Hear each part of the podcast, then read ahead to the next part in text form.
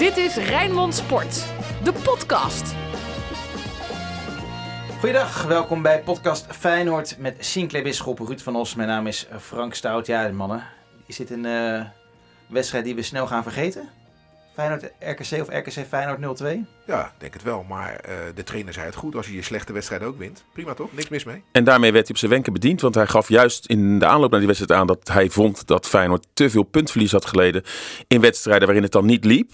Uh, waar andere ploegen die wedstrijden wel naar zich toe trokken. Nou, nu heeft Feyenoord ook een wedstrijd die uh, mogelijk in een gelijkspel had moeten eindigen. Of in ieder geval waar Feyenoord niet goed speelde, wel een drie punten omgezet. Rood, wit, bloed, zweet. Geen woorden maar daden. Alles over Feyenoord. Dus kan je die wedstrijd eigenlijk uh, positief of negatief uh, benaderen. Je kan zeggen positief, slecht spelen, toch winnen. Feyenoord is een topclub.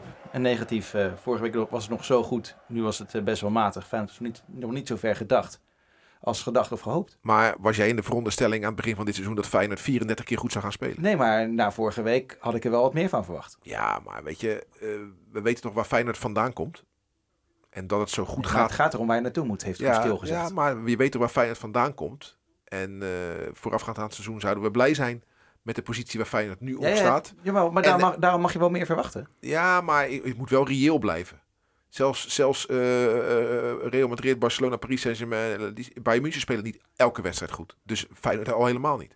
En het gaat om details. Hè. Tegen Sparta uh, ja, komt Feyenoord heel snel met 1-0 door, door zo'n doelpunt die dan valt. En dan ontstaat ook een wedstrijd. Natuurlijk begon Feyenoord in die Kuip eindelijk weer gevuld met publiek aan de goede intenties. Maar dat, dat, dat, dat doet een club wel vaker. Maar soms ja, gebeurt er iets waardoor een wedstrijd zich uh, uh, ons, on, ontspint. En ik bedoel, uit bij NEC uh, was eigenlijk een soortgelijke wedstrijd. Speelde Feyenoord de eerste helft ook niet goed. Daar kwam het zelfs op achterstand. En ineens scoorde Kukcu en alles was anders en werd het daar 1-4.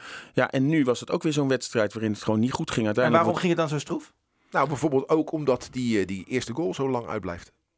En de tegenstander uh, zich ja, dan toch weer toch goed weet te wapenen. Hebben zich goed ingesteld. Weten waar Feyenoord kwetsbaar is. En uh, kwamen er dus een aantal keer goed uit in de omschakeling.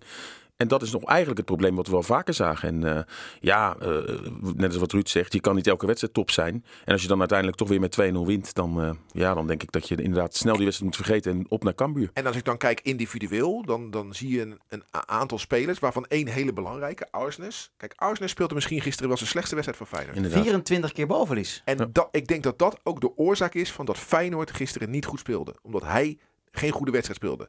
Tuurlijk, ik vond de Til niet geweldig. Ik vond uh, Linse niet geweldig. Jaan Baks ook niet zo. niet. Eigenlijk, als we eerlijk zijn, speelde Kukshu geen grote wedstrijd. Maar met name Arsnes, dat dit was zijn slechtste wedstrijd, durf ik te zeggen. En ik denk dat daar mede de oorzaak ligt in het niet goed lopen van het spel gisteren. Omdat hij de motor is op het middenveld ja. en daar zat zand in. Ja. Nou, kijk, de voorwaartsen kwamen totaal niet uh, in het stuk voor. Nou, uh, Sinistera wel. Met die ene geweldige actie, maar voor de rest was Sinistera... Nou, nou, hij werd ook gewisseld, hè? Ja, en Jaan Baks nog blijven staan. Ik vond hem wel het meest dreigend. Ja, al was hij wel wat ongelukkig in acties waar... Ja, had het wat lastiger, maar dat heeft dan ook wel mee te maken... dat, dat vanuit het middenveld ze te weinig bediend worden. Je weet wanneer de loopactie gegeven wordt, gemaakt wordt en die bal komt te laat. En dat gebeurde eigenlijk. Dus de voorwaartsen kwamen niet goed in het stuk voor. Met name Linsen uh, zagen we eigenlijk nauwelijks... Maar dat had denk ik ook wel mee te maken dat die aanvoerder niet was. Omdat het middenveld wat, wat minder functioneerde. Verdedigend stond het nu vandaag, uh, of gisteren in ieder geval wel uh, uitstekend. Als je zag Trauner en ook Senesi, maar met name Trauner.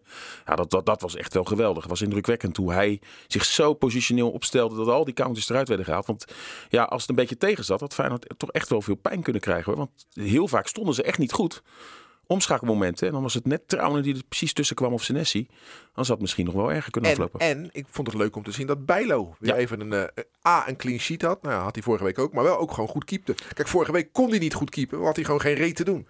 Maar uh, gisteren had hij een punt. Ja. Pakt hij twee punten. Ja, eigenlijk hadden we dit eventjes in moeten starten van tevoren. De Feyenoorder van de week. Want dat was Justin Bijlo. Ja. Nee, ja. Trauner. Ja? Nou, ik vind Bijlo. Maar dat, dat bedoel, ze hebben allebei goed, uh, goed gespeeld. Uh, ja, wat ik zei, dat zei ik vorige week ook al in deze podcast.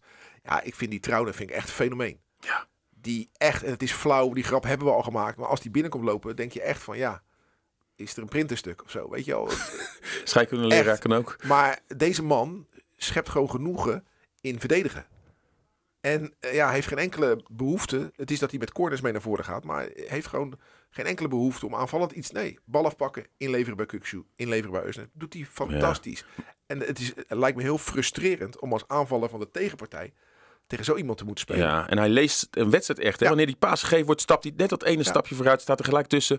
En dat heeft er wel voor gezorgd dat Justin Bijlo uiteindelijk niet al te veel te doen kreeg. Maar ja, Bijlo wel met, eh, met al heel snel die, die bal die niet goed werd ingeschoten eh, door Bakari. Maar zeker die, die, die grote kans nog van. Odgaard, Ja, ja. daar pakt hij echt gewoon wel de punten voor Feyenoord. Maar ja. Ik ben ook wel van mening dat door die intercepties van Trauner, dat, dat ook de zegen van Feyenoord binnen is gehaald. Ja, wat ik het mooie vind van, van Bijlo. eh, eh, keepers in Nederland maken heel veel fouten. Bijlo heeft er ook een paar gemaakt. Maar wat ik het mooie van Bijlo vind. Ik, ik vind hem een groot talent. Omdat hij één ding heeft. Hij is voor de duivel niet bang. Hij gaat overal met zijn handen naartoe. Tuurlijk, dat levert wel het risico op dat je geblesseerd raakt. Maar ik zie wel eens echt, so- sorry dat ik het zeg, tutte keepers in Nederland. Die met hun voeten. Denk je, jij als enige op het veld mag de bal met de handen beroeren. Doe dat dan ook. Nou, Nou, bij, Bijlo, RKC, bij RKC stond er eentje. ja, wat die allemaal doen ja. was. Hoe kan dat nou? Fase. Ja, maar Bij die met- 1-0. Ja, maar niet alleen die 1-0 had meerdere van dit soort situaties. Hij wilde nog een balletje die terug werd gespeeld achter zijn stambeen Ja. aannemen. Dat ik denk, schoenmaker blijf jij le- bij je leest. Dat ging dan nu goed, maar dat het ook wel weer zo'n enorme keepersblunder kunnen worden. Ja, dat, het is- staan gewoon hele matige keepers. Als ik bij Vitesse en AZ weer kijk. Ja, wat dacht je van het, eh, Vriend Lamproe. het voormalig, wou ik zeggen, het Ja. voormalig Feyenoord talent. Want hoe, eh, wie heeft die gescout ooit bij Feyenoord? Dat men ooit dacht van, dit zou wel eens een goede keeper kunnen worden. Ja, en hij heeft ook nog bij Ajax gezeten, was Lamproe. Ajax ook nog ongelooflijk, joh. Ja. Maar ja, dit, dat, dat niet van invloed op het resultaat van Feyenoord eh, gisteren. Nee, maar het geeft wel aan hoeveel slechte keepers er zeker Ja. in het rechte rijtje van de Eredivisie Ja, we eh, zijn gezegend in Rotterdam met Okoye en Bijlo. Dat denk ik ook. Ja, een paar Duitse keepers met Oenestal en, eh, en, en Okoye die het, die het niveau wat omhoog krikken. En dan, eh, dan, dan, ja, het zegt ook toch genoeg dat er bij Ajax een 36-jarige, niet eens geweldige Nou, keeper die bij subtopclubs Ouder nog, 38 toch? Die past weer, ja. Ja, nou ja, die, die, die, die niet eens eh, altijd bij de top heeft gezeten. Een beetje subtop, reservekeeper bij de top. Dat, dat, dat die nu in het doel staat bij ook een topclub. Ja. En bij PSV, nou ja, voor Drommel en eh Mavogo eh moeten we het maar denk ik niet hebben. Nee, dus dan is te hopen dat, eh dat Bijlo nog wel even blijft. Ja, en dat hij nooit wat overkomt. Nee. Nee. Nee, want dat is natuurlijk de discussie die we vaak voeren als het over Feyenoord gaat. Hè. Opleiden en verkopen. Hè. Die Kukshoe moet weg voor veel geld.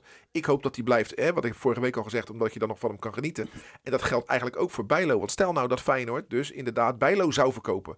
Dan moet, moet Feyenoord ook gaan vissen in een vijver van hele matige keepers. Nee, Nou, dat, nee, dat is helemaal niet waar. Eh, ze hebben echt wel zo'n goede scouting dat ik Ja. er alle vertrouwen in heb dat ze Ja. wel weer uit het buitenland een nieuwe kunnen halen. Maar ik hoop in het. Nederland loopt hij niet. nee, precies. Als je kijkt naar, hoe heet die jongen, Kai Gorter, Jay Gorter? Jay Ja, Gorter, Jay die geloof ik, hè? Die, eh, die van Go Ahead naar Ajax is gegaan. Maar mag lekker een jong Ajax keeper. Daarvoor je Kiel Scherper, ja. Weet je, dat soort Nou ja, gasten die- komen er ook eh, niet aan bij de top. Sinclair zegt het, die Oenerstal. Maar hij is wel een andere, een, ander, een andere soort keeper. Hè? Dat is wel echt een, eh, een ballentegenhouwer en niet echt lekker meevoetballen en zo. En Klopt. dat is ook wel belangrijk. maar- Alleen, alleen ehm Arnissen gaf gisteren ook weer bij de collega's van ESPN eh, aan dat er echt wel eh, ja, echt rekening gehouden wordt. Of sterker nog, ze moeten echt gaan verkopen. En dan moet je inderdaad wel kijken, wie verkoop je dan? En eh, kijk, ik bedoel, misschien, daarvoor terug? misschien is een middenvelder toch wel wat makkelijker te vervangen dan inderdaad dat je de, de, de keeper weghaalt. Of, eh, hè, kijk, Malasia moet je ook nog maar eerst een linksback eh, binnenhalen waarvan je zeker weet dat hij dat niveau aan kan gaan tikken. Dus dat, dat zijn wel overwegingen die je moet maken. Maar ja, hij had wel, eh, ja, hij liet eigenlijk een beetje doorschemeren dat er toch wel een beetje een afspraak met bepaalde spelers is gemaakt dat ze die stap kunnen gaan maken. Dus eh, ja, ik hoop dat Feyenoord dan Nou wel ja, weer niet terugvalt. Wat ik wel bijzonder vind is bijvoorbeeld bij Kukshoe. Dat is gewoon een hele jonge jongen. Waarom die haast? Waarom die haast om weg te komen? Ik bedoel, eh, je hebt... Je, Ja, maar Kukshu heeft misschien geen haast, maar Feyenoord heeft haast. ja, nee, maar ik bedoel... Ja, wat- vaak ligt het ook bij, de, bij die jongens, maar Als die speler niet wil, dan kan Feyenoord nog zoveel willen. Gaat Kijk, echt niet Sene- gebeuren. hoor. Senesi wil. Weet ik niet, ik heb Senesi Anders had, hij al lang, anders had hij al lang dat contract ondertekend. maar, maar, Ja, maar ik denk dat eh, het, het verlies van Senesi wel eh, enigszins op te vangen is. Maar eh, ja, Kukshoe, ik kijk echt gra- graag naar hem. Ik vind hem leuk. Ik vind het ook hoe die, ja, hoe die juicht, moet ik al om lachen. En, en ja, hij levert. En eh, hij verrast. Sinisterra ook. Weet je, dat vind ik gewoon leuk om te zien. Dus, dus Ja. wat mij betreft mogen die... Ja, gewoon, mag Gewoon daar misschien wel een, een ploegje omheen gebouwd worden. Ja, en je hebt volgens mij zat voorbeelden gezien de laatste jaren van allemaal jongens die toch zo graag per se naar het buitenland willen en met zo'n eh, teleurstelling weer terugkomen. Jawel, Dus maar je hebt ook zat voorbeelden gehad van spelers die je had moeten verkopen en daarna een stuk minder waard Nee, halen. nee, nee, dat ja, wel. Ja, hoeveel, heb je daar zat voorbeelden van? Nou Want ja, jij gaat nu zeggen Jurgensen, maar wie nog meer dan? Ik denk dat je, dat je ook andere spelers eh, wie op een eerder, nou, een, Maak het een, haps, eh, een haps bijvoorbeeld had je denk ik eerder kunnen verkopen. Ah, wie dan?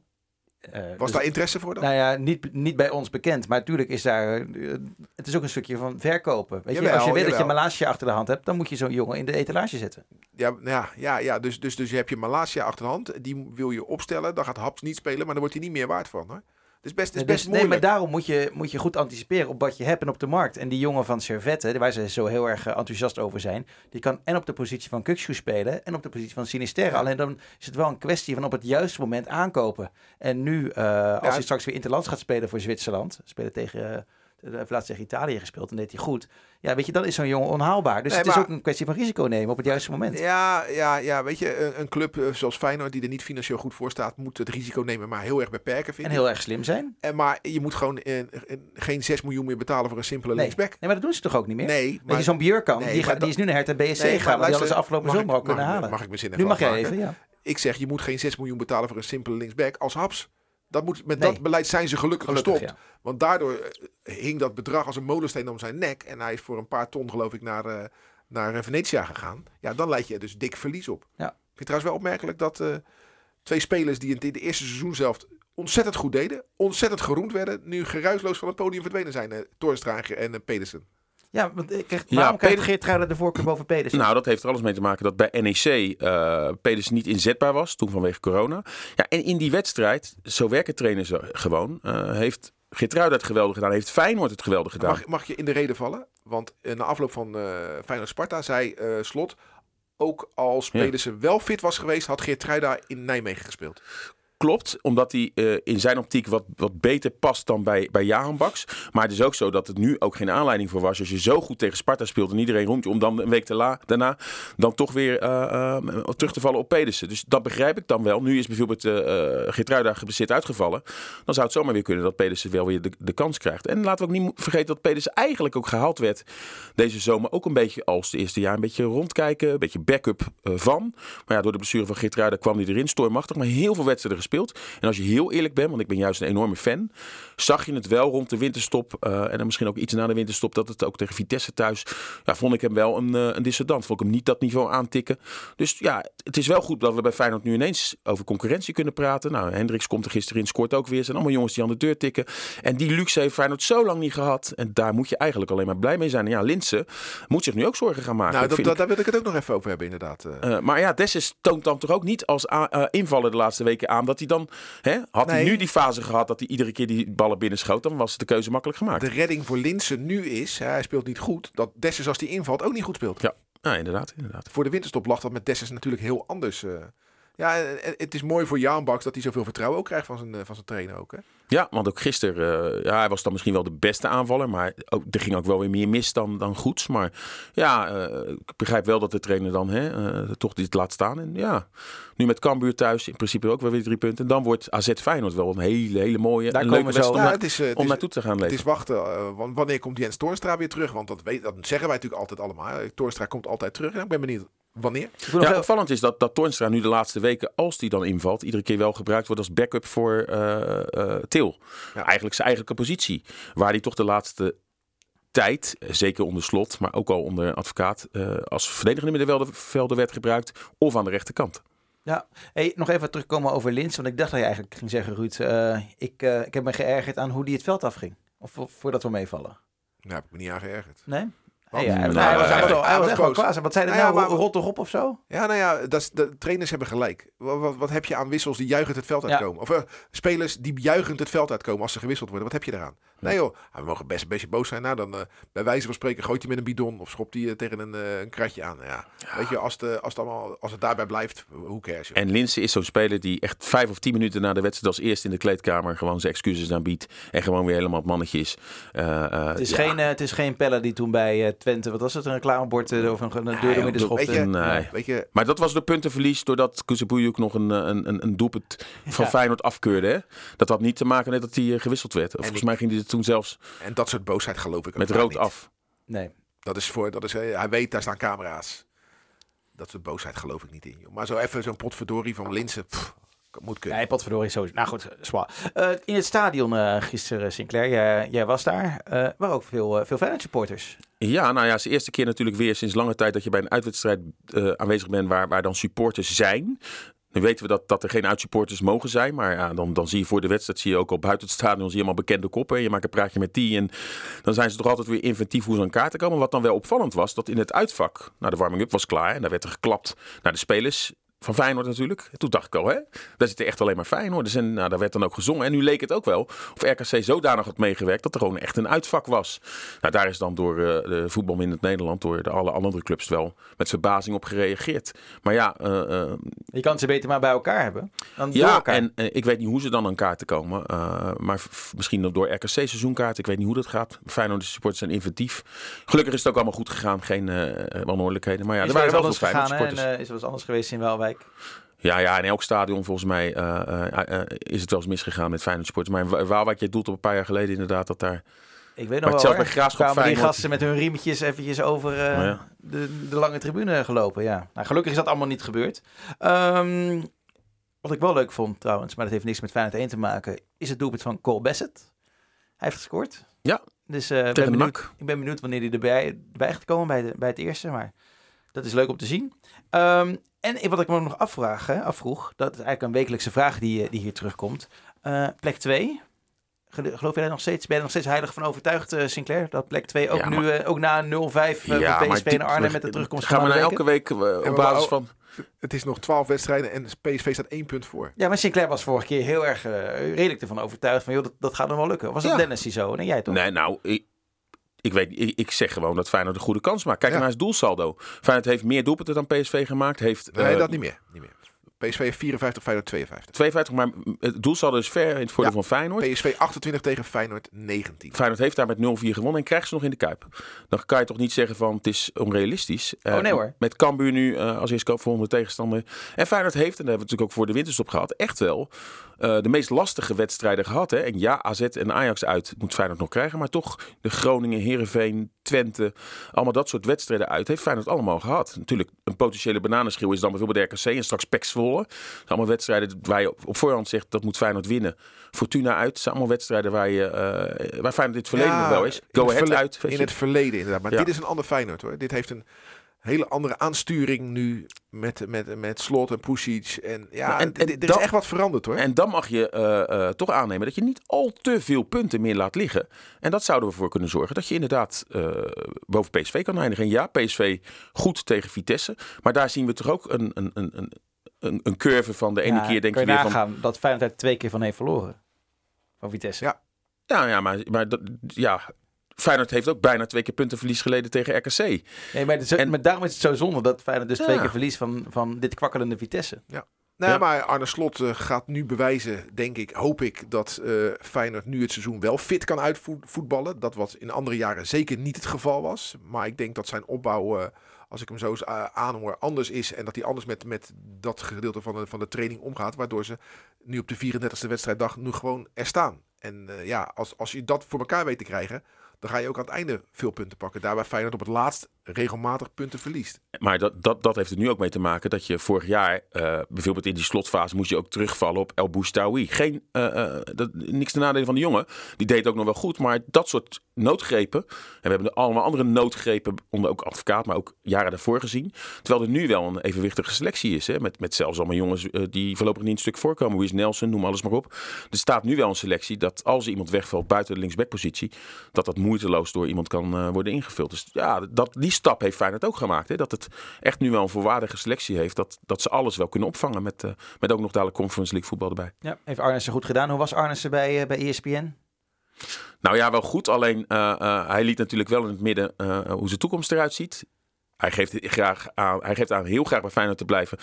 En hij laat wel doorschemeren dat hij wel denkt dat het goed komt. Maar op de vraag van als Ajax aanbelt of belt Ga je er dan over praten? Daar wilde hij absoluut uh, dan lacht hij niet weg, aan. Nee. Terwijl dan zou je, de Feyenoord supporter had willen zien dat hij had gezegd... nee, die hoeven niet aan te komen, ik wil bij Feyenoord door. Maar ik begrijp ik begrijp het wel. Wie weet dat het toch misgaat met Feyenoord. Ja, dan wil hij wel dingen open houden. Maar, mag ik wat opgooien? Wil Feyenoord door met Arnezen? Nou ja, dat is dan uh, uh, de grote vraag. Als je nu merkt uh, dat hij wel wil en dat het nog steeds niet rond is. Aan de andere kant heb ik wel begrepen dat die gesprekken ongeveer nu worden gevoerd. Vorige week is er een gesprek geweest, toch? Ja, is gesprek één geweest. En er moeten nog meerdere gesprekken komen. En daar gaat natuurlijk ja, meer tijd overheen. En hij laat natuurlijk ook het achterste van zijn tong niet zien. Vind ik dus... wel uh, bijzonder in de voetballerij. Hè? Dus, dus uh, oké, je hebt een afspraak met de Kloeze, neem ik aan, of met de Raad van Commissarissen en met Arnezen. Ik, ik, weet niet precies wie daar allemaal aanschuift. Maar in, in één gesprek van een aantal uur wordt toch wel duidelijk wie wat Tuurlijk, wil. Ja. Want, want ik vraag me altijd af, oké, je hebt een gesprek van, eh, van twee uur en dan stop je ermee. Dan ga je morgen of overmorgen ga je verder en dan weer twee uur. Maar eigenlijk in de eerste vijf minuten is toch al de intentie van beide partijen, die is er toch? Ja, maar, Van- van- maar, maar dan die weet je- er dan kunnen zijn en dan moeten ze het daarna nu eh, concretiseren in gesprek 2. En hoe gaan we dat dan oplossen? Dus dat begrijp ik wel, dat je niet... eh, Maar als er een tweede gesprek komt, dan wil Feyenoord dus met hem door. Want anders komt er Ja. geen tweede gesprek. Want anders niet met hem door wil, dan zeg je in het eerste gesprek van we gaan niet met je door. Ja, en hij wil, eh, nou dat geeft hij eigenlijk ook aan, het liefst ook wel door. Dus ja, ik denk dat het wel rond gaat komen. Aan de andere kant, ja, eh, wie weet is die lokroeper wel vanuit Amsterdam. Dat hij denkt, nou ja, ik ben er ooit begonnen. Ik wil daar... eh, Het cirkeltje rond gaan maken. Nou ja, ik bedoel, er is natuurlijk wel veel meer te... Kijk, een technisch directeur die wil natuurlijk wel eh, eigenlijk met zoveel mogelijk geld werken. Omdat, ja, bij Feyenoord is het natuurlijk nog altijd shoppen met een lege portemonnee. En dat, dat levert denk ik ook heel veel frustraties op. Als je dan eenmaal bijvoorbeeld Veerman wil binnenhalen en, en, en PSV hoeft maar te bellen. En op een gegeven moment eh, gaat dat dan niet door. Dus ik kan me wel voorstellen dat hij wel bepaalde voorwaarden wil. Zeker omdat we misschien wel een leegloop krijgen. In de zin van dat de spelers verkocht gaan worden. En dan is de vraag, hoeveel mag je investeren Ja, nou inderdaad. Ik denk dat dat bedragen? meer de gesprekken zijn die nu op de achtergrond gevoerd gaan worden. Omdat Ja. we ook nog wel weten dat Feyenoord heel veel geld moet, eh, moet, moet gaan steken in hele andere projecten. Alleen wij hebben in de afgelopen jaren gezien wanneer ging het fout bij Feyenoord. Dat was op het moment dat ze geld hadden. Ja, maar er zaten natuurlijk andere mensen die het geld uit mochten geven. Ja, nou, maar dat gaat niet om. want Martin van Geel was er ook geen grote koker. Eh, er was toch ook een, een ervaren en eh, ge- gelauwerde technisch directeur. Nou, ja, alleen Feyenoord wordt wel met een heel ander, eh, ook met een heel ander scoutingsapparaat. eh, Nee, oké, maar Feyenoord wordt kampioen. En dan hebben ze geld te besteden en dat is allemaal verdampt. Nou, eh, moeten we het nog even hebben over de periode Gert-Jan Verbeek. Wat er toen allemaal gehaald werd voor heel veel geld. Allemaal verdampt. En wanneer ging het goed met Feyenoord? Dat was vaak op de momenten dat ze geen geld hadden. Ja, je kan ook zeggen, wanneer ging het goed met Feyenoord? Toen er misschien wel meer capabele mensen op die positie zaten. Nee, maar als je kijkt, wat dat, dat blijf ik een fantastisch voorbeeld vinden. Is dat toen al die jonge jongens eh, doorkwamen. Hè? De Vrij, Martens Indy, Klaasie. Ja, dat was echt Ja, maar, maar je kan niet zeggen dat, er, dat daar nu geen oog voor is voor die Nee, jonge dat zeg ik toch ook niet. Maar dat vond ik wel leuker. Ik vind, ik vind eh, ja, wat ik zeg, eh 6 miljoen voor, eh, voor Haps. Nee, dat vindt niemand. Maar ik Eh, vind, ik vind het allerleukste een winnend Feyenoord. En, met eh, goed voetbal. Ja, ja. En dan zie, ik, dan, dan zie ik liever een paar Noren eh, heel goed doen. En dan eh, talenten die op de deur aan het kloppen zijn. Maar die er nog niet, nog niet klaar voor zijn. Zoals Milan Boonhartjes. Dan inderdaad gasten als Haps eh, halen voor 6 miljoen. ja, eens. Nou, gaan we het hebben, hebben over Feyenoord Cambuur. FC Rijnmond. Archief. Waar moeten jullie hier gelijk aan denken? Hij is aankomende zondag om, eh, om half drie. Nou ja, Elvis Manu. Ja. De wedstrijd eh Feyenoord-Kambuur een paar jaar geleden, hè, Ruud. 27 april 2014. Ik heb het even opgezocht. Niet dat dat in mijn geheugen staat gegrift. Nee. Ja, maar mijn zoon is jarig dan. Maar, maar gefeliciteerd, 27 april. Eh Feyenoord inderdaad tegen Cambuur. Het werd 5-1. Maar niemand zal dat zich eh, helder voor de geest halen. Maar wel dat Elvis Manu door Feyenoord eh, uitgeleend aan Cambuur. Na 33 minuten werd gewisseld. Omdat hij er gewoon totaal helemaal niets aan deed. En eh, Nee. toen eh, door... door Henk de Jong, de huidige Cambuur-trainer, die was toen ook eh, trainer van Cambuur, gewoon weer eruit gehaald werd. En, Ja, eh, en toen hielden ze de Kuip zwaaien naar Elvis Manu, die dan nog een soort ereronde liep. Werd hem ook volgens mij niet in dank afgenomen door de Cambuur spelers. Ja, Feyenoord eh, was toen in de race voor Champions League voetbal. En hij zou natuurlijk terugkeren. Ja, hij dacht, het het gaat me natuurlijk niet overkomen dat ik er dadelijk voor ga zorgen dat ik dadelijk terugkeer en Feyenoord geen, eh, geen eh, voorronde van de Champions League gaat halen. Ehm, Weet je wat leuk is? Even, even over Elvis Manu. Die kan zomaar ergens opduiken nu, hè? ja, hij is transfervrij. Hij Hij is heeft zijn contract transfervrij. laten ontbinden. Bij. Vanuit, ja, Ik zit dan naar die wedstrijd te kijken, hè? Die, eh, die, die Feyenoord eh, tegen Cambuur. Dat was eh, een van de laatste speelrondes, hè? Want Ja. dat was 27 april. En als je dan kijkt naar, eh, naar de opstelling, Lamproe stond toen in de goal. Ja. daar hebben we net van gezegd dat hij er niks van kan, maar staat gewoon dan in Feyenoord 1 eh, onder de lat. Maar als je dan kijkt naar de bank, wat zit dan bij Feyenoord bij zo'n wedstrijd op de bank? Poeh, dat valt niet mee. Heb je Koeman als trainer? Nou, de, de- de- toch hoog aangeschreven. Maar dan zit Nelom op de bank. Van Mitchell tevreden. van Beek, Graafland, Verhoek, Tevreden, Goossens. Ik, ik moet oppassen dat ik niet in tranen uitbarst. Gelukkig zat Jean-Paul Boetius er ook nog. Dat, dat- Maar met eh, terugwerkende dat kracht scheelt, heeft eh, Koeman dus een wereldprestatie geleverd. Want ze werden tweede dat jaar toch ook weer? Nou ja, eh, hij had wel Pel in de basis staan. Ja. En Klaasie, en Congolo, en Martens Indy, en De Vrij. Janmaat. Dus die En jouw grote vriend Immers. Nee, die, die, eh, Oh, die is- die, die, die niet. eh, misschien dat hij toen geblesseerd was, maar die zie ik hier niet bij staan. Maar weet je, Wes- Wesley Verhoek, Mitchell Tevreden en Sean Goossens zijn gewoon contractspelers van Feyenoord geweest. Dan moet je toch als Feyenoord supporter terugkijkend ook denken, jeetje, wie zaten er toen aan de touwtjes te trekken? Ja, dat zijn de mensen die jij net geen krokenkoter hebt genoemd, eh. Ja. Maar ik moet, als ik het dan wel opneem, toen had Feyenoord ook natuurlijk weinig geld. En dan gingen ze in een vijver vissen met ook heel veel transfervrije jongens. Met Vormer, met, met Jammaat. Ja, de ene lukte dan wel met Jammaat bijvoorbeeld. En, en de andere eh, eh, lukte dan bijvoorbeeld weer niet. Dus ja, ook toen was het natuurlijk wel weer een beetje... Hè, eh, eigenlijk was spellen natuurlijk ook een gok. Waarvan eigenlijk voor iedereen van tevoren dacht, nou dit gaat hem niet worden. En die pakte dan wel goed uit. En Toen in een later stadium mag ik er één naam noemen, die vond ik zo goud. Cuco Martina. Cuco Martina, onder Van Bronckhorst nog hè. Ja, dat was wel de aller, allerslechtste, denk ik. Wat, wat, wat, jij Ja, zeggen? ja. Niet? Ja, ja, ja, ja, ja, ja, Maar hoe die bij al die mooie clubs heeft gezeten. ja. Die heeft gewoon Premier League gespeeld. Ja. Nee, Maar als nu je, Go Ahead, geloof ik. en als je, als je in elke club kan zo'n lijstje maken hoor. Ook Ajax en ook PSV. Maar als je kijkt naar het lijstje van Feyenoord met de John van Beukering, Kuko Martina, Ja. eh, Alexander Injatovic. Ja, daar hebben we er echt bij gezeten dat je echt twijfelde, zitten die wel op voetbal? ja. En welke scout heeft er gekeken? Wat doe jij, eh Sinclair? Of eh, was Ruud? Nou, als we een andere eh, editie op gaan zoeken. Ik weet nog, Feyenoord werd kampioen natuurlijk in 1993. Heel veel, nou, verrassend groot feest. En toen wil je natuurlijk doorpakken. En toen was de eerste wedstrijd. Ik zat als supporter in de Kuip. Feyenoord Cambuur. Cambuur gepromoveerd. En dan ging je er weer eens voor zitten. Heerlijk seizoen. En het, het wordt natuurlijk, Cambuur mag kiezen, 4, 5 of 6. En ehm, ja, het was gewoon een hele moeizame wedstrijd. eh, waarin uiteindelijk Witsche, volgens mij was het met een stiftje. En nog voor zorgen dat die hele kuip ontplofte. Dat Feyenoord alsnog in ieder geval goed aan de competitie begon. was de eerste wedstrijd, volgens mij iets van 15 augustus. Ehm, en die won Feyenoord met 1-0. En uiteindelijk was er, ehm, heel moeizaam, een hele mooie reeks toen met negen overwinningen op rij. Het jaar nadat Feyenoord kampioen werd. En de tiende wedstrijd was toen uit eh, in Amsterdam. Olympisch Stadion nog. Was nog voordat de arena er was. Feyenoord eh, kwam daar op 2-0 voor. Een van die doelpunten Harvey Essayas. Dus Feyenoord leek gewoon op 10 eh, gespeeld 30 punten te komen.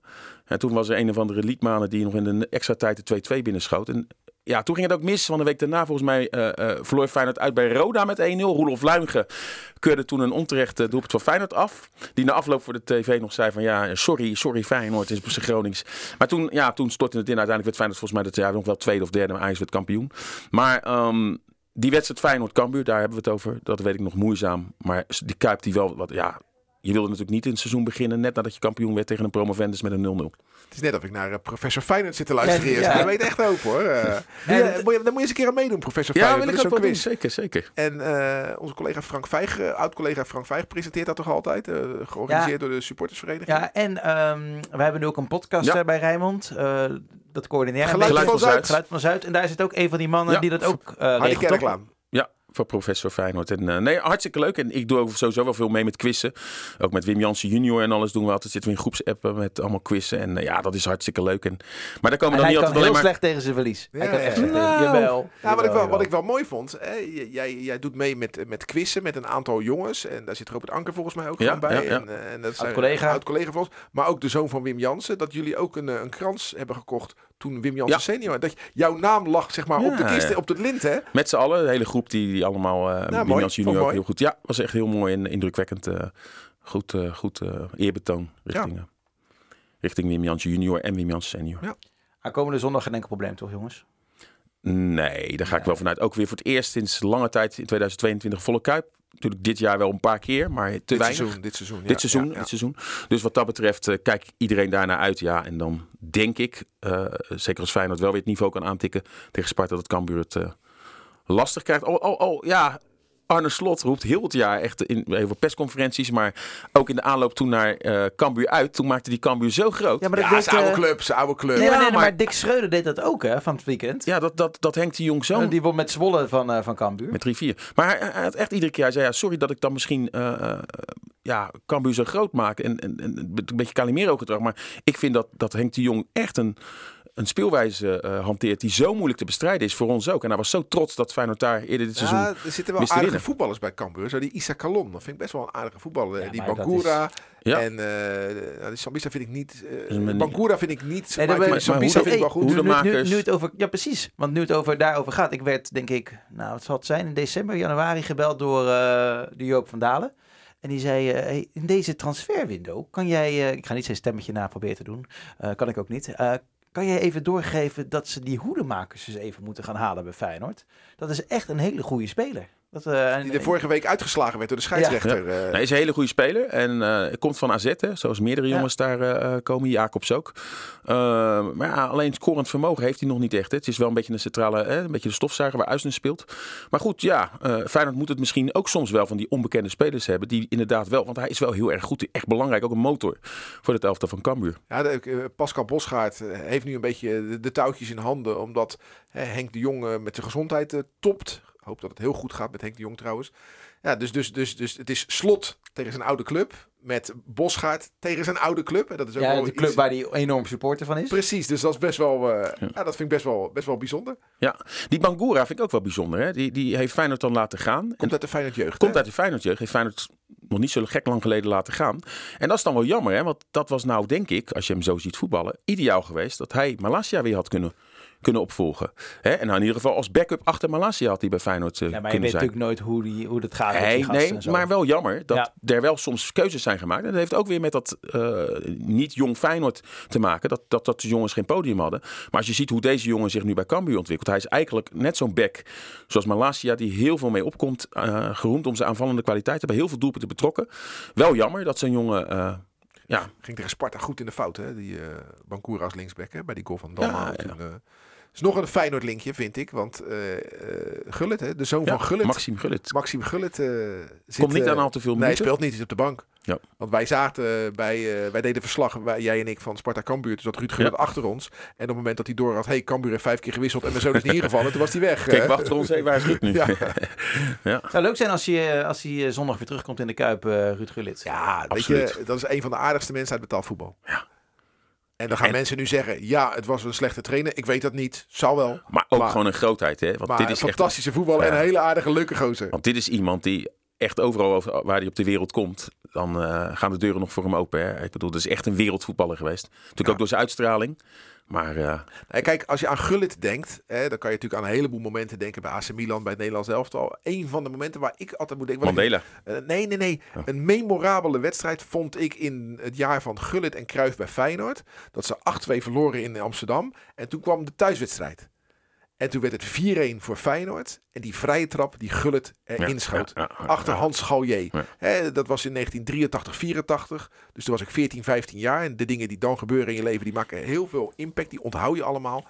En ik heb dat jaar, terwijl ik geen Feyenoord supporter ben, nog zo helder voor de geest. En ik vond die wedstrijd zo mooi. Cruijff scoorde, Scoorde toen. ook. Duut scoorde door de benen van Gallier. Maar die vrije trap van Gullit toen in de Kuip tegen Ajax. Dat is er eentje, die heb ik nog wel in mijn hoofd zitten. Vind ik echt, dat Ik was, echt ik was toen nog heel jong, echt heel jong. Net je bent in 81 geboren. Dan ben je Precies. twee. Ja, nou, dan is dat niet heel jong? Ja, dan ga je nu zeggen dat je het nog herinnerde. Nee, nee, nee, Oh. juist niet. Maar ik heb mij laten vertellen later dat, eh, dat Gullit eigenlijk helemaal niet zo'n hele zware stempel drukte dat seizoen, toch? Nee, het was Cruijff Nee, met name. En Maar wat was dan de rol van Gullit? nou, Gullit was gewoon een heel groot talent. En het nadeel voor Feyenoord was dat Feyenoord toen, ook toen geen geld had. En hij pas echt tot wasdom kwam bij PSV, dat hem dus weghaalde. Dat, die zagen ook zijn talent. En daarna natuurlijk bij AC Milan uh, ging hij ook heel snel heen. En daar heeft hij natuurlijk op een gegeven moment is die, uh, is die echt de Europese Nou, top het, het verhaal gaan is natuurlijk, is natuurlijk bekend dat eh, de vader van Paul de Leeuw ervoor gezorgd Ja. heeft dat Gullit van Haarlem, Haarlem naar Feyenoord kon komen. Toen is hij voor een paar miljoen naar Eindhoven gegaan. En toen voor 17 miljoen van Eindhoven naar Gulden toen nog naar, eh, naar AC Milan. Maar Gullit was natuurlijk een, een atleet. A, een prachtige voetballer om te zien. Maar wel een krachtpatser. Ja. Die rond de fragiele Kruif, die natuurlijk fantastisch kon voetballen. Maar niet de duels aanging. Ja, kon die... eh, erg goed renderen met, met, met Houtman. Ja. Nou ja, het, de, de, de discussie eh, die er toen gevoerd werd. Hè, Bart of Vermeulen. Echt bijzonder dat Cruijff voor Stanley Bart koos en niet voor de Ja. mooie voetballer Pierre Vermeulen. Ja. Maar eh, ja, dat, eh, Hoekstra. Hoekstra heel belangrijk. Hè? Ook belangrijk voor, eh, voor Johan Cruijff natuurlijk. Dus er werd om Johan Cruijff toen gezorgd dat hij de paasjes kon verstrooien. En, en kon strooien. En dat de, de, krachtpatsers om hem heen, Ja. dat die het vuile werk deden. Maar Gullit werd pas een jaar of drie, vier later, werd het echt een grote meneer. Natuurlijk ook onder EK 88 rond die periode van PSV. Waar hij overigens niet de Europa Cup 1 met PSV won. Toen was hij net vertrokken. Die weg? Maar daarna wel ja, bij, bij Milan en natuurlijk nog afgebouwd in Engeland. Waar hij het ook niet verkeerd heeft gedaan. Nou ja, toen werd hij trainer bij Feyenoord. Ja, dat was geen succesvol jaar. Eentje maar, een jaartje maar. Met Petrovic, hè? Met Petrovic, die Ja. toen een nier zouden willen geven voor Gullit, geloof ik. Eh, ja, ben daar niet zo van. Maar, Nee. eh, maar ze begonnen wel indrukwekkend. ja, hè? maar ik, ik vond, ja, eh, ja Ruud Gullit, ik, Ja, moest, al- was- ik, ik moest altijd lachen om het was een geweldig jaar. Het was een geweldig ik jaar weet nog goed, was. Ik, ik weet nog goed, eh, het was een mooie anekdote. Toen werd bekend, halfwege het jaar, eh, eh, aan het eind, dus volgend seizoen, gaan we met play-offs werken.